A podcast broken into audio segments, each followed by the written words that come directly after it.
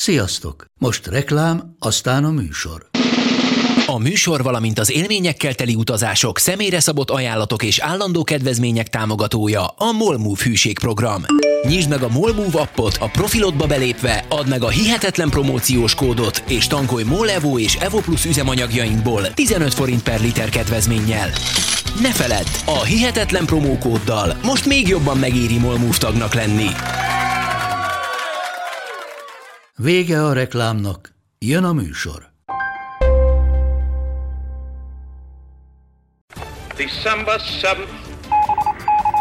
Dass ich nicht in diesem Jahr Uh, Houston, we've had a problem. Ma hajnalban a szovjet csapatok I have a dream. Josiah Bailey egy jóképű, izmos, Marylandi rabszolga volt, aki nem csak az ereje miatt volt értékes, hanem az esze miatt is. Tapasztalt farmer volt, akiben megbíztak, és aki jól tudta irányítani a munkát az ültetvényeken, ahol dolgozott. Ez a csöndes ember valószínűleg egész életét rabszolgasorban töltötte volna, ha csak 1856. novemberében nem keresi fel őt Harriet Tubman, akit a menekült rabszolgák körében csak úgy emlegettek, hogy ezrek Mózese. Találkozásuk megváltoztatta Bailey életét. Bailey-t a gazdája évekre kölcsön adta egy másik ültetvény tulajdonosnak, William Hagletnek. Akkoriban gyakori volt, hogy a gazdák kiadták pénzért másoknak a rabszolgáikat, ha éppen nem volt rájuk szükség a földeken. Ez plusz bevételekhez juttatta őket, így anyagilag is megérte. Az új tulajdonos a felügyelőnek kívánta használni Bélit az ültetvényen, és 2000 dollárt fizetett érte, ami akkoriban nagy összegnek számított. Azonban azon a reggelen, amikor megérkezett az új rabszolga, a gazda egy súlyos hibát vétett. Béli a kunyhójában volt, és éppen reggelizett, amikor kintről bekiabált a gazda, hogy azonnal jöjjön ki. Béli azonnal felállt, és engedelmesen kiment a kunyhó elé, az új gazda kérésének megfelelően, de egy olyan dolog történt, amire nem volt felkészülve. Joe, vetkőz és készülj fel a korbácsolásra, mondta neki a gazda. Béli nem értette, hogy mi történik, és próbált tiltakozni ellene. Elmondta, hogy eddig sosem volt rá panasz, és mindig jól végezte a munkáját, de ez a gazdát nem hatotta meg, és ezt válaszolta neki. Valóban, Joe, mindig jól végezted a munkádat, jó nigger vagy, és még nem volt rád sosem panasz. De most már az én niggerem vagy, és ez az első lecke, amit minden niggeremnek megtanítok, hogy én vagyok a főnök, hogy hozzám tartoznak, és amit parancsolok, azt be kell tartani. Szóval az újoncoknál mindig ezzel kezdünk, úgyhogy vetkőz le és készülj fel a korbácsolásra. Bailey tűrte a megaláztatást, azonban egy fogadalmat tett magában, hogy ez lesz az utolsó eset, amikor megverik. Amint tudta, értesítette Harriet Tubman édesapját, hogy amikor legközelebb erre jár Mózes, akkor szóljanak neki is, hogy vele tarthasson a szabadság útján. Mózes maga volt Harriet Tubman. Legalábbis, akiket megmentett, ők nevezték így.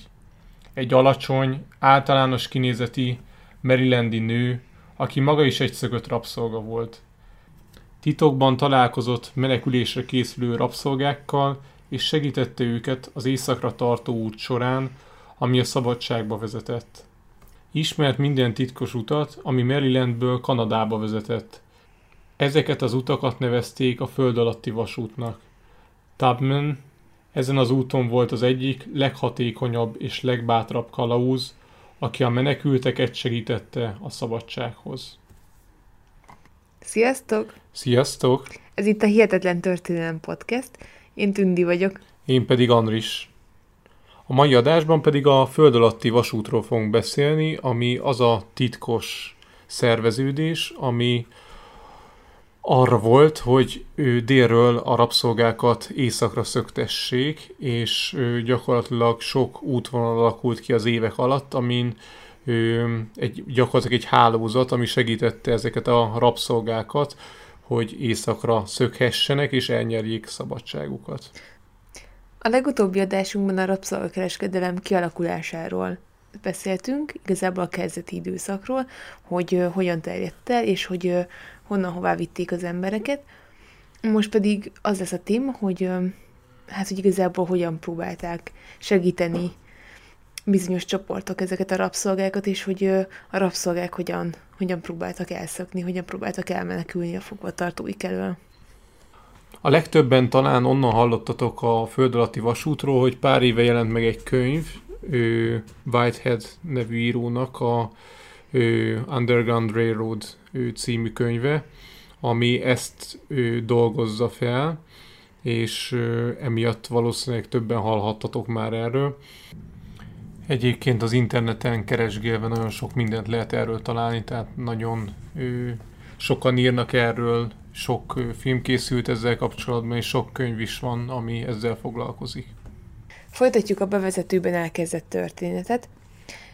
Béli tovább dolgozott a könyörtelen tulajdonosának, míg egy napon hírt kapott arról, hogy Tábmen a környéken jár és csoportot szervez, azokból, akik a szabadság felé vezető kockázatos utat választották. Joe Bailey is csatlakozott a menekülők csoportjához. Mivel értékes rabszolgának számított, először 1000, majd 2000 dollár értékű fejdíjat tűztek ki rá. De Harriet Tubman okosabb volt, mint az üldözőik. Bélit és társait négy-öt fős csoportokba osztotta, akik nappal pihentek és éjszaka utaztak. Tubman és csapata mindig meleg fogadtatásra számíthatott Thomas Geretnél, akiről majd még később ejtünk pár szót. Geret menedékét elhagyva csatlakoztak egy pár szekéren utazó kőműveshez, akik szintén északnak tartottak. Tubman bérelte fel őket, hogy megfelelő álcát biztosítson a szökött rabszolgáknak. Nem ez volt az egyetlen eset, hiszen Tubman mindig jó előre megtervezte az utazás menetét, a szállásokat és a megfelelő álcát. A szekér közeledett egy hídfőnél álló ellenőrzőponthoz, ahol a helyi serif mindig tüzetesen megvizsgálta, hogy nincsenek-e szökött rabszolgák valahova elrejtve. Tubman megparancsolta a kőműveseknek, hogy csapjanak nagy lármát, énekeljenek és kiabáljanak mindenféléket. A csel bevált, a serif és társai inkább nem akartak kőművesekkel foglalkozni, gyorsan tovább engedték őket, miközben a szekér aljában meg, megbúvó rabszolgák épségben átjutottak a híd túloldalára. Tubman innen Pennsylvánián és New York államon keresztül közeledett az északi határhoz. Azonban Bailey egyre jobban aggódott. Igaz, hogy eddig minden cselvetése bejött Tubmannek, de félt, hogy egyszer kudarcot fog vallani. Tubman visszaemlékezése szerint Joe csöndes volt, és már nem beszélt, nem énekelt többet. Már majdnem Kanadában voltak, de az utolsó akadály még előttük állt. Tubman egy vonathoz vezette őket, ami majd egy hídon keresztül a szabadságba szállítja a rabszolgákat. Az utazás zöggenőmentes volt, és immár Kanada földjén álltak. Végre valahára Béli szabad ember lett. Körbeálltak és dalokat énekeltek, így ünnepeltek. A következő években Tubman többször találkozott Bélivel Kanadában, aki nagyon boldog volt, szorgalmasan dolgozott, és ami a legfontosabb, szabad ember volt. Béli csak egy volt a közül a 300 ember közül, akiknek Harriet Tubman elhozta a szabadságot.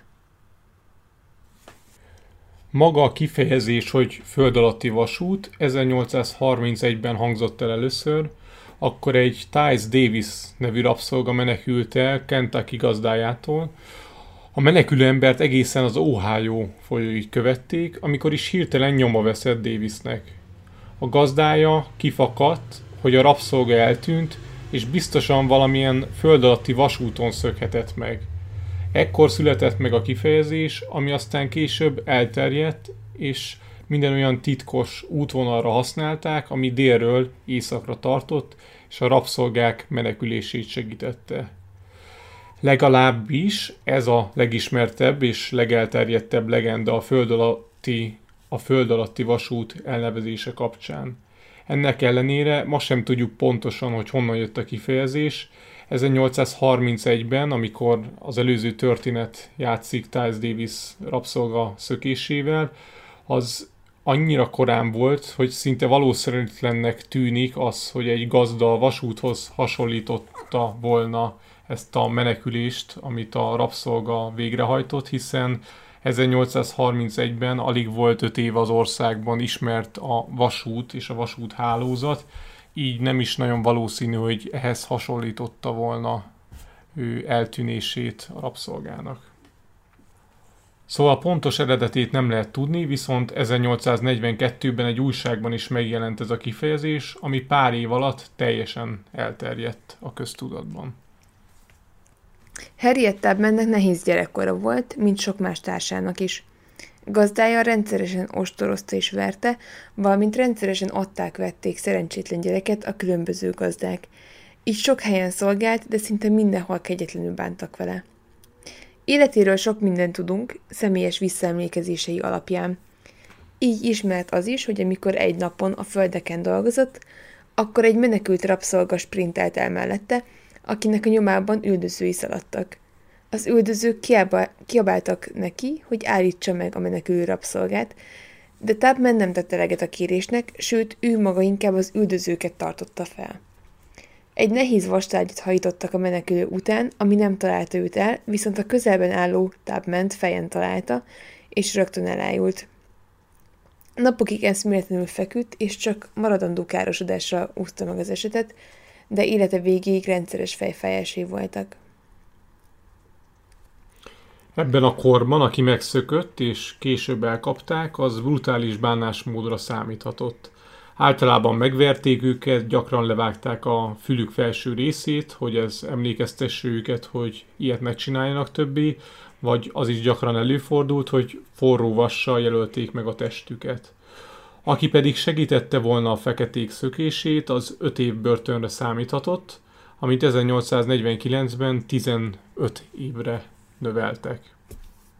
Maga Tubman 29 évesen szökött éjszakra, és lett szabad, viszont Filadelfiában nehéz volt beilleszkednie, hiányoztak neki az ismerősei, a barátai, a családja, akiket ugye bár hátrahagyott a rabszolgaságban. 1850-ben Tubman meglátogatta az egyik helyi abolicionista szervezet központját, amit William Steele, egy fekete ember vezetett. A szervezet célja az volt, hogy éjjel-nappal segítséget nyújtson minden éjszakra szökött feketének. Tubman itt ismerte meg a föld alatti vasút fogalmát, és hogy ez mennyire kiterjedt szerveződés. A menekülteknek az út végén ételt, ruhát és szállást biztosítottak, segítettek nekik munkát találni, kölcsönt felvenni, vagy információkat szerezni délen maradt családtagjaikról. Viszonylag kevés írásos dokumentum maradt fent az elszökött rabszolgák útjairól. Ennek nyilvánvalóan a fő ok az az, hogy nagy részük még írás tudatlan volt, akik pedig befogadták őket, azoknak volt elég egyéb problémájuk is, mint hogy naplókat vezessenek a menekültekről. A föld alatti vasút útvonalán dolgozók valószínűleg azért sem hagytak maguk után írásos emlékeket, mert félő volt, hogyha elkapják őket, akkor az, azzal másokra is veszélyt jelenthetnek, vagy a feketéket, akiket segítettek ezek alapján, a nyomok alapján megtalálják és elhurcolják vissza őket délre. Ennek ellenére az előbb említett szervezet vezetője, William Steele őrzött feljegyzéseket a nála megfordult emberekről. Ezt azért tartotta fontosnak, hogy később a különböző helyekre elvándorló családtagok könnyebben egymásra találjanak. Ezek az iratok tartalmazták a szököttek nevét, korát, a dátumokat, azt, hogy hányan utaztak egy csoportban, fizikai állapotuk leírását és az ültetvényük urát, ahonnan sikeresen megszöktek. William Steele ezeket a dokumentumokat jól elrejtette egy temetőben, és a szemfüles rabszolgaüldözők sem tudtak sohasem a nyomára akadni. A rabszolgák felszabadítása után a gyűjteményt kiadta mindenféle részlettel kiegészítve a Föld alatti vasút címmel – ez a könyv 800 oldalas lett. Tubman elhatározta, hogy másoknak is akar segíteni, akik délen maradtak, valamint családját is szerette volna éjszakra menekíteni, így Steele-től kért segítséget, hogy megtalálja ennek a megfelelő módját. Első küldetése, mint a föld alatti vasút kalauza, a Bóli család megmentése volt. Ugye tudni kell azt, hogy a föld alatti vasút dolgozóit általában konduktoroknak hívták, ami magyarul inkább ilyen kalauzszerű figurát jelent, tehát mi magyarul a kalauz szót fogjuk rájuk használni.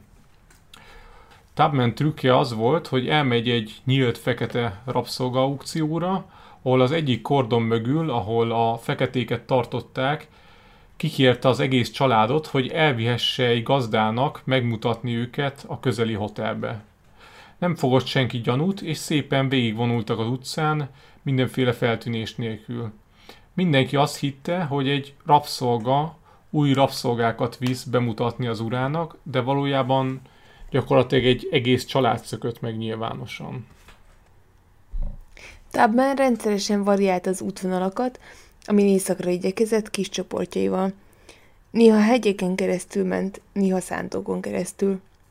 Kellett is az ügyessége, hiszen az üldözők gyakran értékes vadászkopókat használtak, akik háromnapos nyomot is képesek voltak követni.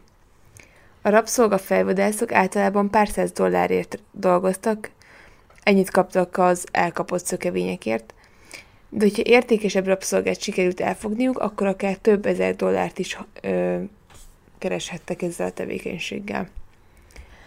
Amikor Tubman délre utazott egy újabb csoportért, akkor rendszeresen használta a Menj Múzes nevezetű énekes dicsőítő himnuszt, amit énekelve és vagy továbbadva az emberek tudták, hogy visszaérkezett hozzájuk éjszakról. Az ének szabad fordításban így szól. Menj le Mózes egészen Egyiptom földjéig, és mondd meg az öreg fáraónak, hogy engedje el a népemet. Akkoriban annyira sokat értek a rabszolgák, hogy gazdáik mindent megtettek azért, hogy visszaszerezzék őket.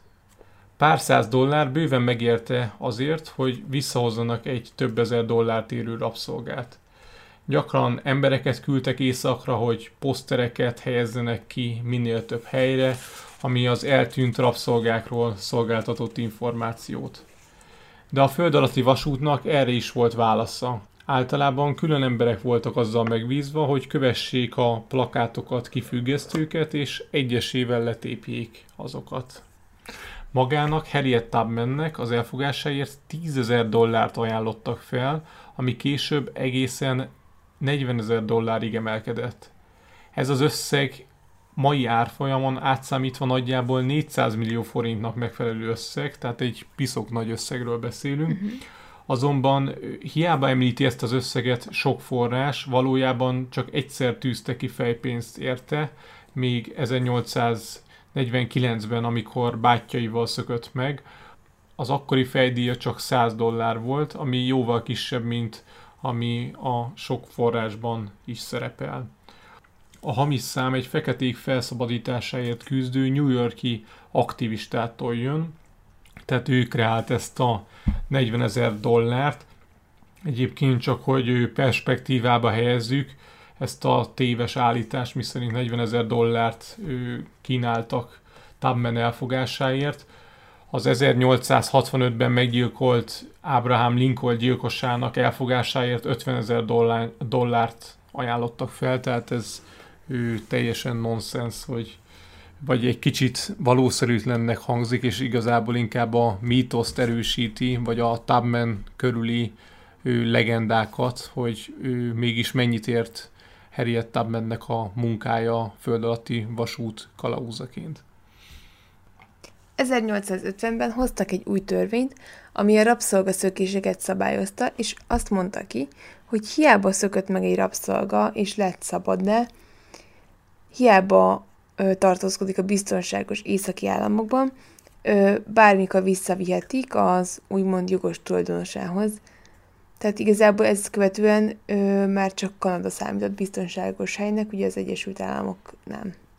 Igen, és ugye láttunk egy filmet erről, és ö, azért gondoljunk bele, milyen lehetett az a helyzet, hogy ö, te egy rabszolga vagy, küzdelmes úton valahogy megszöktél délről, feljutottál északra, a szabad államokba, és aztán egyszer csak hoznak egy olyan törvényt, miszerint téged bármikor visszahurcolhatnak délre. Hát ő el lehet képzelni a pánikot, amit ez kiváltott az északon élő fekete emberekben. 1851 és 57 között Harriet átlagosan két utat tett meg évenként, egyet tavasszal, egyet pedig ősszel. Az egyik legjobb kapcsolata Tomás Gerettel volt, aki egy úgymond állomást működtetett a föld alatti vasútvonalán. Volt egy cipőműhelye is, így azok a rabszolgák, akik az ő útvonalán mentek keresztül, azok cipővel is el voltak látva. Erre azért is volt szükség, mert gyakran semmilyen lábbeliük nem volt az ültetvényen dolgozó rabszolgáknak. Geret egyébként maga is több száz embert mentett meg, de súlyosan fizetett érte. Kétszer is letartóztatták feketék szöktetése miatt, és olyan súlyos büntetést kellett megfizetnie, hogy el kellett adnia üzleteit, többek között a cipőműhelyt is, amiről előbb beszéltünk. 60 évesen odáig jutott, hogy nem volt semmi pénze, és bármilyen felkínált munkát el kellett fogadnia azért, hogy el tudja tartani családját. Ennek ellenére tovább dolgozott a föld alatti vasút tagjaként. A legenda szerint a bíró, aki elítélte, azt mondta neki, hogy ezekkel a szigorú döntésekkel, amiket ellene hoztak, végre megtanulja, hogy nem kell segíteni a rabszolgákat.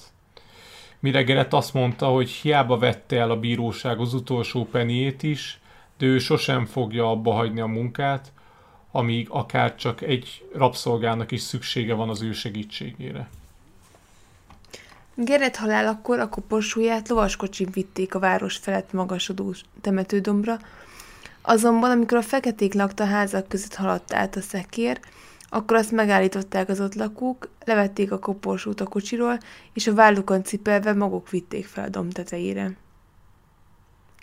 Tehát igazából...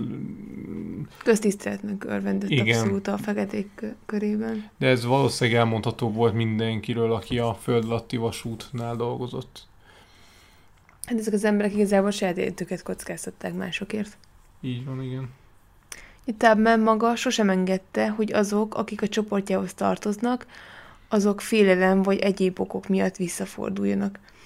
Ennek nyomatékosítására a biztonság kedvéért hordott magánál egy revolvert, ezzel, hogyha kellett, meg tudta akadályozni bárkinek a visszafordulását. Azt kérdezte ilyenkor, hogy a szabadságot választod, vagy a biztos halált. A gazdához visszakerült rabszolgákat szinte mindig megkínozták, ami ugye veszélye járt merre, és az egész föld alatti vasútra is, hiszen hogyha valaki mondjuk visszament a gazdához, és ő ott ilyen kínvallatásnak ö, ö, vetették alá, akkor ö, valószínűleg ugye elmondta volna a dolgokat, hogy ö, m, ki áll a szökés hátterében. Tubman élete végén úgy nyilatkozott, hogy az ő vasútja sosem siklott ki, és sosem veszítette el egy utas sem. És erre egyébként büszke is volt, ami összességében 70 ember szabadságát jelentette. Ugye a bevezetőben 300 embert mond, mondtunk, itt eltérnek a források azzal kapcsolatban, hogy mi a pontos szám. Harriet Tubman saját bevallása szerint nagyjából 70 embert mentett meg, ugyanakkor nagyon sok helyen azt lehet, vagy a legtöbb helyen azt lehet olvasni, hogy 150 vagy 300 emberről volt a valóságban szó. Népszerűség egyébként akkora volt, hogy még Európából is kapott támogatást a rabszolgatartás elleni mozgalom az ő hírnevének köszönhetően. Egyébként ez, most bocsánat, egy kicsit ilyen off, hogy az egészen ö, ö, érdekes párhuzam szerintem, hogy ugye most itt az 1840-es, 50-es években járunk, tehát amikor nálunk mondjuk ö, ugye a szabadságharc, a szabadságharc történt, vagy zajlott, ekközben mondjuk Amerikában meg a rabszolgakereskedelem.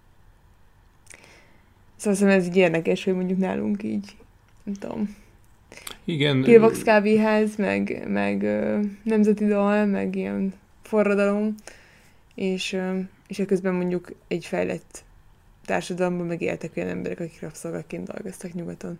Hát igen, és erről még valószínűleg, vagy én biztos vagyok benne, hogy fogunk erről még beszélni későbbi podcast adásokban is, mert gyakorlatilag ez a téma kimeríthetetlen, hiszen ő még a 60-as években is ő, iszonyatosan durva szegregációról beszélünk. Igen. Tehát ezek a külön fekete mosdó, stb. stb. a buszon külön utazni, tehát ezek, ezek elég durva dolgok, amiket ugye itt Magyarországon mi nem tapasztaltunk meg, ők meg gyakorlatilag még 50 éve is ebben éltek. Az interneten kutakodva lehet találni térképeket a föld alatti vasút útvonaláról, és ezeken meglepő dolgokat is láthatunk. Például voltak olyan helyek Amerikában, ahol nem északra menekültek, hanem Mexikó irányába, vagy például Florida környékéről a Karibi-szigetek irányába mentek az emberek. Szóval az az elképzelés, hogy mindenki északra menekült, az nem volt százszerzalékig igaz. Érdemes megemlíteni az Ohio folyót is, ami a legtöbb rabszolga számára a szabadság és a rabszolgaság határát jelentette. Gyakorlatilag ez választotta el a déli államokat az északi államoktól. Ez a folyó átkelés szerepel a Tamás bátya kunyhója című könyvben is, ahol a főszereplő Elza karaktere átkel a folyón. Az írónő ráadásul nem fiktív karakterekkel dolgozott, hanem húsvér emberekről formázta a szereplőit, Elza esetében egy olyanról, aki valóban átkelt a folyón, aminek a szélessége néhol elérte a másfél kilométer szélességet. Igen, és egyébként ez, ezek azért is durvák, mert mondjuk csónakkal lehet, hogy át tud kelni az ember, de ezt szerintem abban a korban én nem tartom valószínűleg, hogy túl sok ember tudott volna úszni. Főleg egy rabszolga. Hát igen, tehát igazából hol tanultak volna megúszni? Valószínűleg sehol. Sehol. Úgyhogy borzasztóan ijesztő lehetett átkelni egy ilyen nagy folyón. Igen, az biztosan. Ráadásul úgy, hogy ő nem is tudja, hogy a túloldalon mi vár rá, sőt valószínűleg a rabszolgavadászok, mert ő, ugye ezt úgy kell elképzelni, hogy van a föld alatti vasút, meg a szökött rabszolgák, de gyakorlatilag arra is egy komplet hálózat épült ki, hogy azok az emberek, akik arra szakosodtak, hogy szökött rabszolgákat fogjanak el. Például a Pulitzer díjas könyvben erről viszonylag sok szó esik, hogy bizony voltak olyan emberek, akik egész életüket erre tették fel, hogy ők gyakorlatilag fejvadászok voltak, és a, a megtalált rabszolgákat visszavitték ő, hát idézőjeles jogos gazdájukhoz. Egyébként nem egyszer ő, arról volt szó, hogy akár az északi államokban is ő, tehát több száz mérfölddel arrébb is keresték ezeket a rabszolgákat, mert vagy ennyire értékesek voltak, vagy az ültetvénygazda annyira ragaszkodott hozzájuk, ő, hogy, hogy annyi pénzt fizetett egy-egy ilyen fejvadásznak, hogy akár az északi államokba is követték őket, ahol ha megtalálták, akkor visszatoloncolták őket délre sokszor. No de visszatérve a Tamás bátya kunyhójára, ami 1852-ben jelent meg, és iszonyatosan fontos szerepet kapott az abolicionista mozgalom és a rabszolgatartás ellenes politika népszerűsítésében. A 19. században ez a könyv volt a legolvasottabb Amerikában a Biblia után, Sőt, egy olyan legenda is fent maradt, hogy amikor a későbbi miniszter Abraham Lincoln találkozott Harriet Beecher Stowe írónővel, aki ugye írta a könyvet, akkor így üdvözölte. Ön tehát az a kicsiny asszony, aki kiváltotta ezt a nagy háborút, gondolva ez alatt az amerikai polgárháborúra.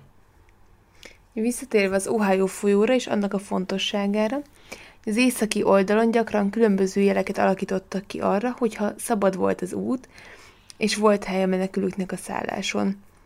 Ez gyakran az ablakba kitett gyertyákkal tették. Például Ripley településén élt egy Renkin nevű lelkész, aki direkt azért építette a parton a legmagasabb pontra a házát, hogy az ottani ablakba kitett jelzést a túlpartról is lehessen látni. A Tamás bátyja kunyhójában szereplő Elza is itt talált menedékre, és rajta kívül még vagy 2000 másik szökevény is. Persze ez nem tetszett mindenkinek, úgyhogy fejdíjat tűztek a fejére a lelkésznek, 2500 dollárt, azért cserébe, hogy elrabolják ezt az embert, vagy bármilyen módon megöljék.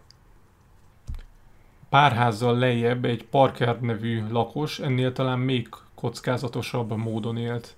Ő nem várta ki, hogy oda találjanak a feketék, hanem csónakkal kelt át az Ohio folyón, és a fekete államok oldaláról magával hozta az embereket. Ez a cselekedet veszélyesebb volt, hiszen ha valakit fekete emberek menekítése közben lepleztek le, akkor megölhették a helyszínen, eladhatták rabszolgának, vagy 10 és 20 év közötti börtönbüntetésre számíthatott. Parker maga is rabszolgaként született, és ő azon ritka esetek egyike volt, aki kivásárolta a saját szabadságát. Ifjabb korában kétszer is megpróbált megszökni, de sikertelenül járt, ezért 20 évig dolgozott, hogy annyi pénzt gyűjtsön, amivel kiválthatja a saját szabadságát. Nyilván azért nem kapsz pénzt, ha földeken dolgozol, tehát a rabszolgák azért nem kaptak pénzt, mert mondjuk gyapottot szedtek, tehát ő, ez a Parker nevű, nevű illető, ő ezeken felül vállalt plusz munkákat, szóval nagyon elhivatott volt, és a kitűzött célt el is érte. 1800 dollárt fizetett a szabadságáért, ami ma nagyjából 18 millió forint összeget jelent átszámítva. Parker tehát megváltotta a saját szabadságát, és ehhez hozzá akarta segíteni a társait is.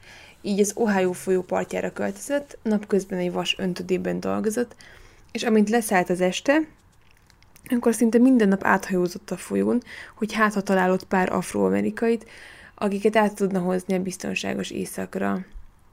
Sajnálatos módon Parkert csak az utóbbi pár évben fedezték fel igazán, eddig nem is tudtak róla sokat, valószínűleg a 19. században is olyan titokban tartotta ezeket a rövid utazásait, hogy nem lett sohasem közismert, így nem maradt róla fénykép sem fent. Ennek ellenére tudjuk, hogy olyan új találmányok kitalálásán is dolgozott, ami ahhoz járult hozzá, hogy a mezőgazdaságban kevesebb emberrel is el tudják végezni ugyanazt a mennyiségi munkát. Tehát gyakorlatilag ő olyan, nem tudom, speciális mezőgazdasági szerkezeteket tervezett, ami azt segítette, hogy ne kelljen lehetőleg ennyi munkást alkalmazni a mezőgazdasági munkáknál. Azért is említettük Parker nevét, mert jól mutatja, hogy rajta kívül még sokan mások is lehettek, akikről szinte semmit sem tudunk, vagy semmilyen írásos feljegyzés nem maradt fent róluk. Ők igazán ilyen névtelen hősök ebben a történetben. Igen, tehát ő, mi itt beszélünk Harriet Tubmanről, meg Thomas Geretről, akik valószínűleg a legismertebb tagjai a föld alatti vasútnak, azt kell látnunk, hogy rajtuk kívül nagyon sokan mások dolgoztak még a föld alatti vasútnál, akik tényleg névtelen hősök, és akikről semmit nem tudunk, és nem is fogunk tudni, hiszen ő gyakran semmilyen feljegyzés nem készült ezekről az utakról, vagy erről a szerveződésről.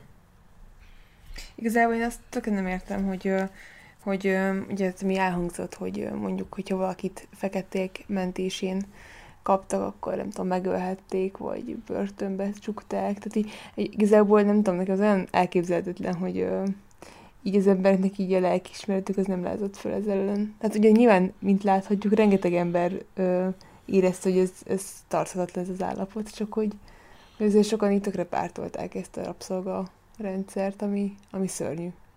Hát de az a baj egyébként annyi idő kellett hozzá, hogy még száz évvel később is nagyon sok rasszista ember volt, annak ellenére, hogy rabszolgaság már nem volt.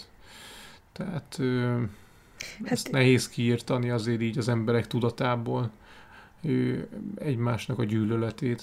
Abszolút, és ugye igazából hát ugye nyilván most mi is főleg amerikai filmekből láthatjuk, vagy, vagy most így az elmúlt hónapokban ugye történtek ezek a ezek a dolgok Amerikában, így rendőri túlkapások, meg a tüntetések, hogy azért ez még mindig egy létező társadalmi probléma Amerikában, hogy a feketéket megkülönböztetik. Tehát, hogy gondolom nem mindenki érzi, vagy nem mindenki ö, szembesül ezzel, de azért, de azért, ja. Ez egy még mindig egy probléma. És ez ennek igazából a rabszolgakereskedelem a gyökere. Igen.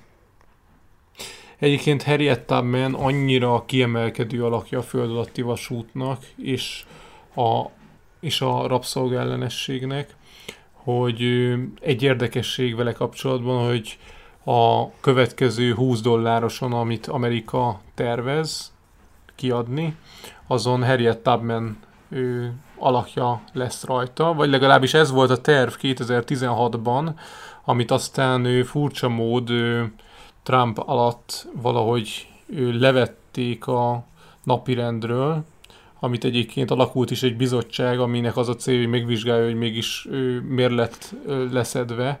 Most egyelőre a 10 dollárosokat fogják lecserélni a következő években, és később fog sorra kerülni a 20 dolláros, és hát én őszintén remélem, hogy a 20-as, 2020-as, 30-as évek elején, 20-as évek végén ő már Harriet Tubman-t láthatjuk majd az amerikai 20 dollároson, mert igazán megérdemli azt, hogy ő szerepeljen az amerikai 20 dollároson. Egyébként hozzátéve azt, hogy Magyarországon se szerepelnek nők pénzeken, és igazán nagyon alul reprezentáltak mindenféle ilyen hát, hogy nem helyen, nem igen, tudom. nincsenek szobraik. Igen, erről pont múltkor hallgattam egy, egy érdekes adást egy másik podcastben, hogy, hogy egyszerűen nincsenek szobraik magyar nőknek, akikre igazából büszkék lehetnénk, és valószínűleg nem is tudnánk felsorolni 10-15 híres magyar nőt, akiről szobrot tudnánk állítani, mert mert nincsen benne a köztudatban. Na de ne, szak, nagyon elszakadunk itt a témánktól, úgyhogy térjünk vissza Igen. a föld alatti vasúthoz.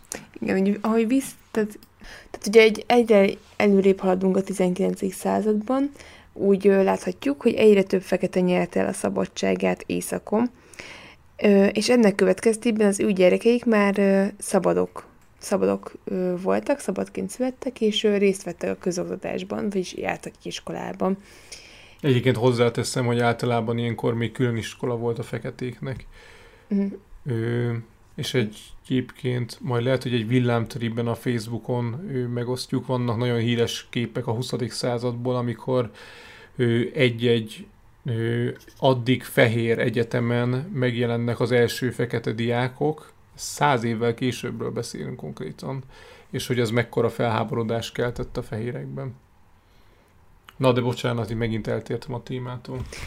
Igen, de hát tehát ott tartottunk akkor, hogy ugye egyre több szabad, tehát egyre több fekete nyert el a szabadságát, ugye az északi területen, és uh, az ügyékeid már szabadok voltak, és tanultak, tehát ugye egyre iskolázottabbak voltak a feketék, és így vált lehetséges az, hogy ugye egyre többen tudtak írni, és a különböző üzeneteket uh, most már ugye írásos formában is tudták továbbítani, Ugye korábban inkább csak kódokkal vagy titkos jelekkel tudtak dolgozni, de az írás tudással együtt ez az újfajta kommunikációs eszköz is megjelent a föld alatti vasút fenntartóinak a kezében.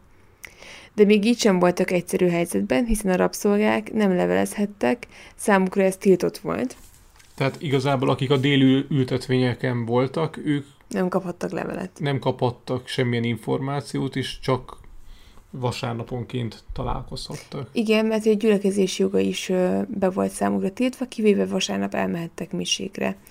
Tehát emiatt az események miatt az úgynevezett fekete misék lettek a fő információ átadó pontok, valamint a fekete származású matrózok váltak postássá, akik az országot járva hoz, hozták, vitték a leveleket. Ezek miatt például a dél-karolinai Charlestonban, amint kikötött egy hajó, akkor előfordult az, hogy a fekete matrózokat egyszerűen bezárták, és nem engedték el őket addig, amíg a hajónak tovább nem kellett állnia, ezzel próbálva megakadályozni az üzenetek átadását. Meglepő történet az is, hogy 1992-ben egy templom boltozatába rejtve találtak ilyen titkos leveleket, amit egy felszabadult fekete írt meg a rabságban sílődő édesanyjának. Az első levél, amit írt, arról szól, hogy és, és gyakorlatilag egy templomnak a boltívében találták meg ezeket, tehát ez nagyon érdekes, hogy egy 150 évvel később a boltívben találtak elrejtve ilyen leveleket. Az első levele arról szólt, hogy találkozott egy rendes férfival, és hogy hozzáment feleségül. A második levél arról szól, hogy elújságolja az örömhírt édesanyjának, hogy gyermeke született, a harmadik pedig arról tudósítja édesanyját, hogy unokája immáron főiskolára jár. Gondoljunk bele, hogyan érezhette magát az az édesanyja, aki ezeket elolvasta, miközben feltetőleg egy kunyhóban lakott, és napközben gyapotot szedett. Az egész helyzet teljesen nonsens mai szemmel. Ha beszélünk a föld alatti vasútról, akkor nem mehetünk el amellett, hogy az ellentétes irányba, vagyis északról délre is volt kereskedelem.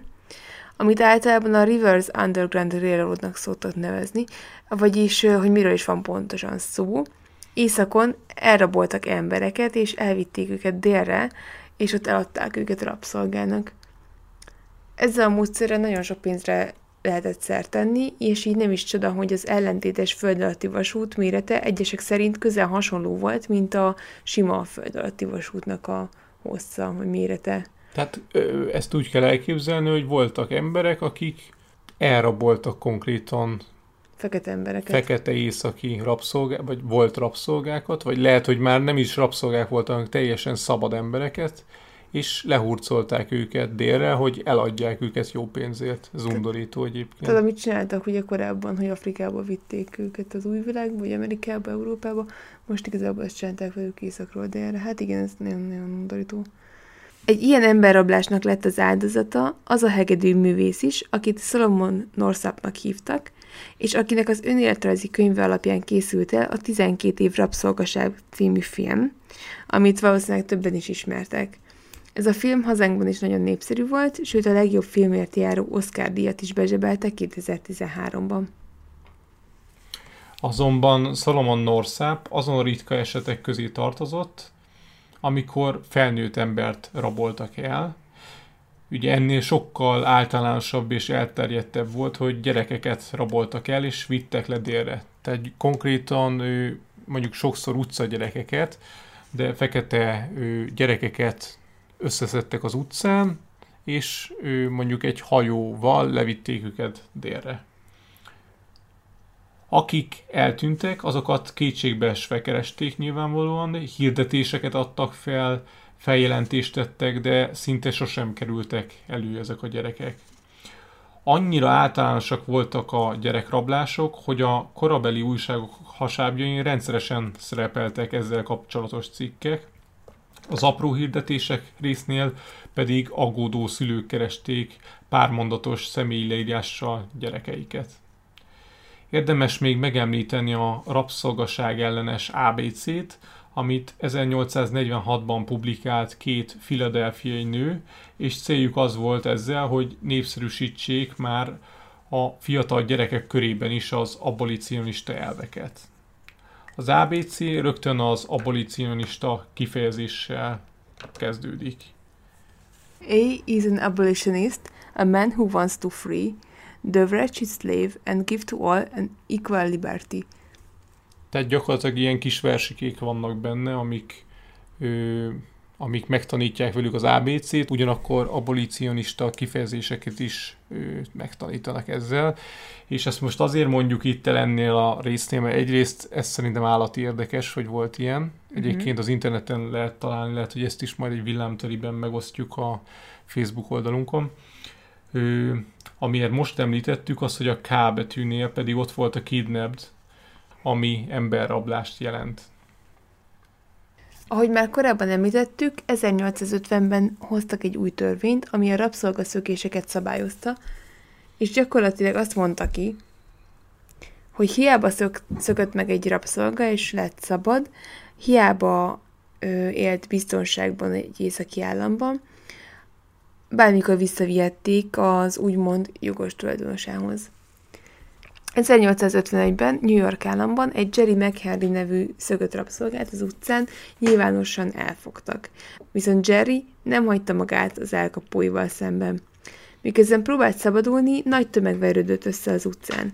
Jerry azt kiáltotta a tömeg felé, hogy dobjanak oda hozzá egy kést, ő nem akar újra rabszolgaságba esni, inkább a helyszínen öngyilkos lesz. Aznap este az összeverődött tömeg, 3000-5000 emberről beszélünk itt a tömeg alatt, megtámadta a városi börtönt. Pár évvel később ugyanez az eset megtörtént Bostonban is, ami még északabbra van. Ekkor Anthony Burns nevű menekült robbantotta ki a lázongást, akit bebörtönöztek. A helyzet annyira komolyra fordult, hogy a katonaságot is be kellett vetni. A tömeg láncokkal veszi körbe a bíróság épületét, ami annyira sűrűn van szőve, hogy a bíró csak úgy képes bemenni az épületbe, ha legugol és meghajolva átcsúszik a kötelék alatt. az abolicionista újságíróknak nem is hiányzik több, elkezdik publikálni a képet, ahogy az igazságot szimbolizáló bíróság épülete körbe van véve lánccal. Anthony Burns, ugye a rabszolga, akiről éppen szó van, tárgyalása megtörténik e közben, nem tart túl sokáig, hiszen a törvény szerint a szökött vádlott nem szólalhat fel saját védelmére. Az ítélet szerint bűnösnek találják, és visszaküldik délre a rabszolgaságba. Aznap, amikor Burnt visszatoloncolják délre, a kirakatokat fekete szövettel futtatják be a gyász jeléül. Az egyik forgalmas utcán egy koporsó van kiállítva, egy táblával kiegészítve. Itt nyugszik az igazság, olvasható rajta a felirat. A visszatoloncolt rabszolgát több ezres tömeg kíséri el a kikötőbe, ahol majd hajóra száll, hogy délre szállítsák. A becslések szerint ennek az egyetlen szolgának a délre toloncolása a mai árfolyamon több millió dollárba került az akkori államhatóságoknak. Viszont hiába a látható ellenállás és nem tetszés, 1857-ben az egyik bíró kimondta, hogy a feketék csak vagyontárgyak, és az a sorsuk, hogy keményen dolgozzanak, és hogy sohasem lesznek egyenlőek a fehérekkel, így nem lehettek amerikai szabadpolgárok sem. Az amerikai törvényhozásban azért volt fontos egy ilyen kijelentést, mert precedens teremtett, vagyis hogyha egyszer megállapítottak valamit, akkor az örökérvényű az amerikai jogalkotásban. Ez a törvényhozás azért jelentett rosszat a föld alatti vasútnak is, mert így már az északi államok sem voltak többé biztonságosak. 1858-ban Ohio államban, egy olyan városban, ahol ö, elfogadott volt a szabad feketék polgári joga, az egyik már szabad feketét bebörtönözték. A helyiek ezzel nem értettek egyet, és fellázadt az egész közösség, körülbelül 20 ember segítkezett a bebörtönzött ember kiszabadításával. A fekete embernek így sikerült elmenekülni a városból, azonban az a húsz ember, aki segítkezett a kiszabadításban, őket börtönbe vetették. Nem kellett várni sokat, és 1861-ben kitört az amerikai polgárháború. Nyilván ez egy összetettebb kérdés, hogy mi okozta a polgárháború kirobbanását, de az egyik legfontosabb indok az az észak és dél közötti rabszolgatartásra vonatkozó ellentét volt. A polgárháború végével Abraham Lincoln, a legtöbb amerikainak kedvenc államfője, kimondta a rabszolgák szabadságát. És hogy összegezzük, hogy mégis mennyi rabszolgának sikerült a föld alatti vasúttal megszöknie, Sajnos pontos számok nem ismertek, többféle beslés van, a legszerényebbek szerint 25 ezer és 50 ezer között lehetett a valós szám, az optimistább becslések szerint akár százezer ember is megszökhetett, viszont vannak egyéb források, amik azt igazolják, hogy a szerényebb számok pontosabbak, ezt pedig onnan lehet sejteni, hogy tudjuk azt, hogy 3,9 millió rabszolga élt Észak-Amerikában 1850-ben, és közel 430 ezer szabad fekete ember. Ugyanez a szám 10 évvel később, 1860-ban 490 ezer, azaz 60 ezerrel lett több szabad fekete 10 év alatt. Viszont ebbe bele kell számolni nyilván azokat is, akik már a szabad fekete családokban születtek, így összességében elmondható, hogy körülbelül 35-40 ezer ember lehetett, akik a föld alatti vasúton, vagy annak segítségével elnyerték a szabadságukat. Szóval, ahogy említettük, nagyon sok minden olvasható ebben a témában, tehát hogyha valakit érdekel ez, mi azt tudjuk javasolni, hogy nézzetek filmeket ezzel kapcsolatban. A Harrietet például én nagyon ajánlom, szerintem Andris is. Igen, ez egy két éves film, film, és Harriet Tubman életéről szól. És ami nekem amúgy különösen tetszett benne a filmben, hogy ö, ö, hát igazából abban nagyon szeretem a gospelt, és ö, azt, hogy a, a film ilyen diszkréten, szolidan, de de hogy így utal arra, hogy azért itt a feketéknek a hitük is nagyon sokat segített abban, hogy, hogy átkeltek a folyón, és kiszabadultak, és szerintem ez csodaszép. Igen, Harriet Tubman, ő saját életrajzi írásában is nagyon sok szó esik, és erről nem beszéltünk a hitéről. az, hogy ő nagyon sokszor úgy nehéz helyzeteket úgy ő vészelte túl, hogy, hogy ő leült, imádkozott, de ilyen igazi ilyen egyszerű emberhite volt, és ő nagyon sok látomása volt érdekes módon, és ő sokszor ezeket a látomásokat teljesítette be. Ugye ezt a saját önéletrajzában is lehet olvasni.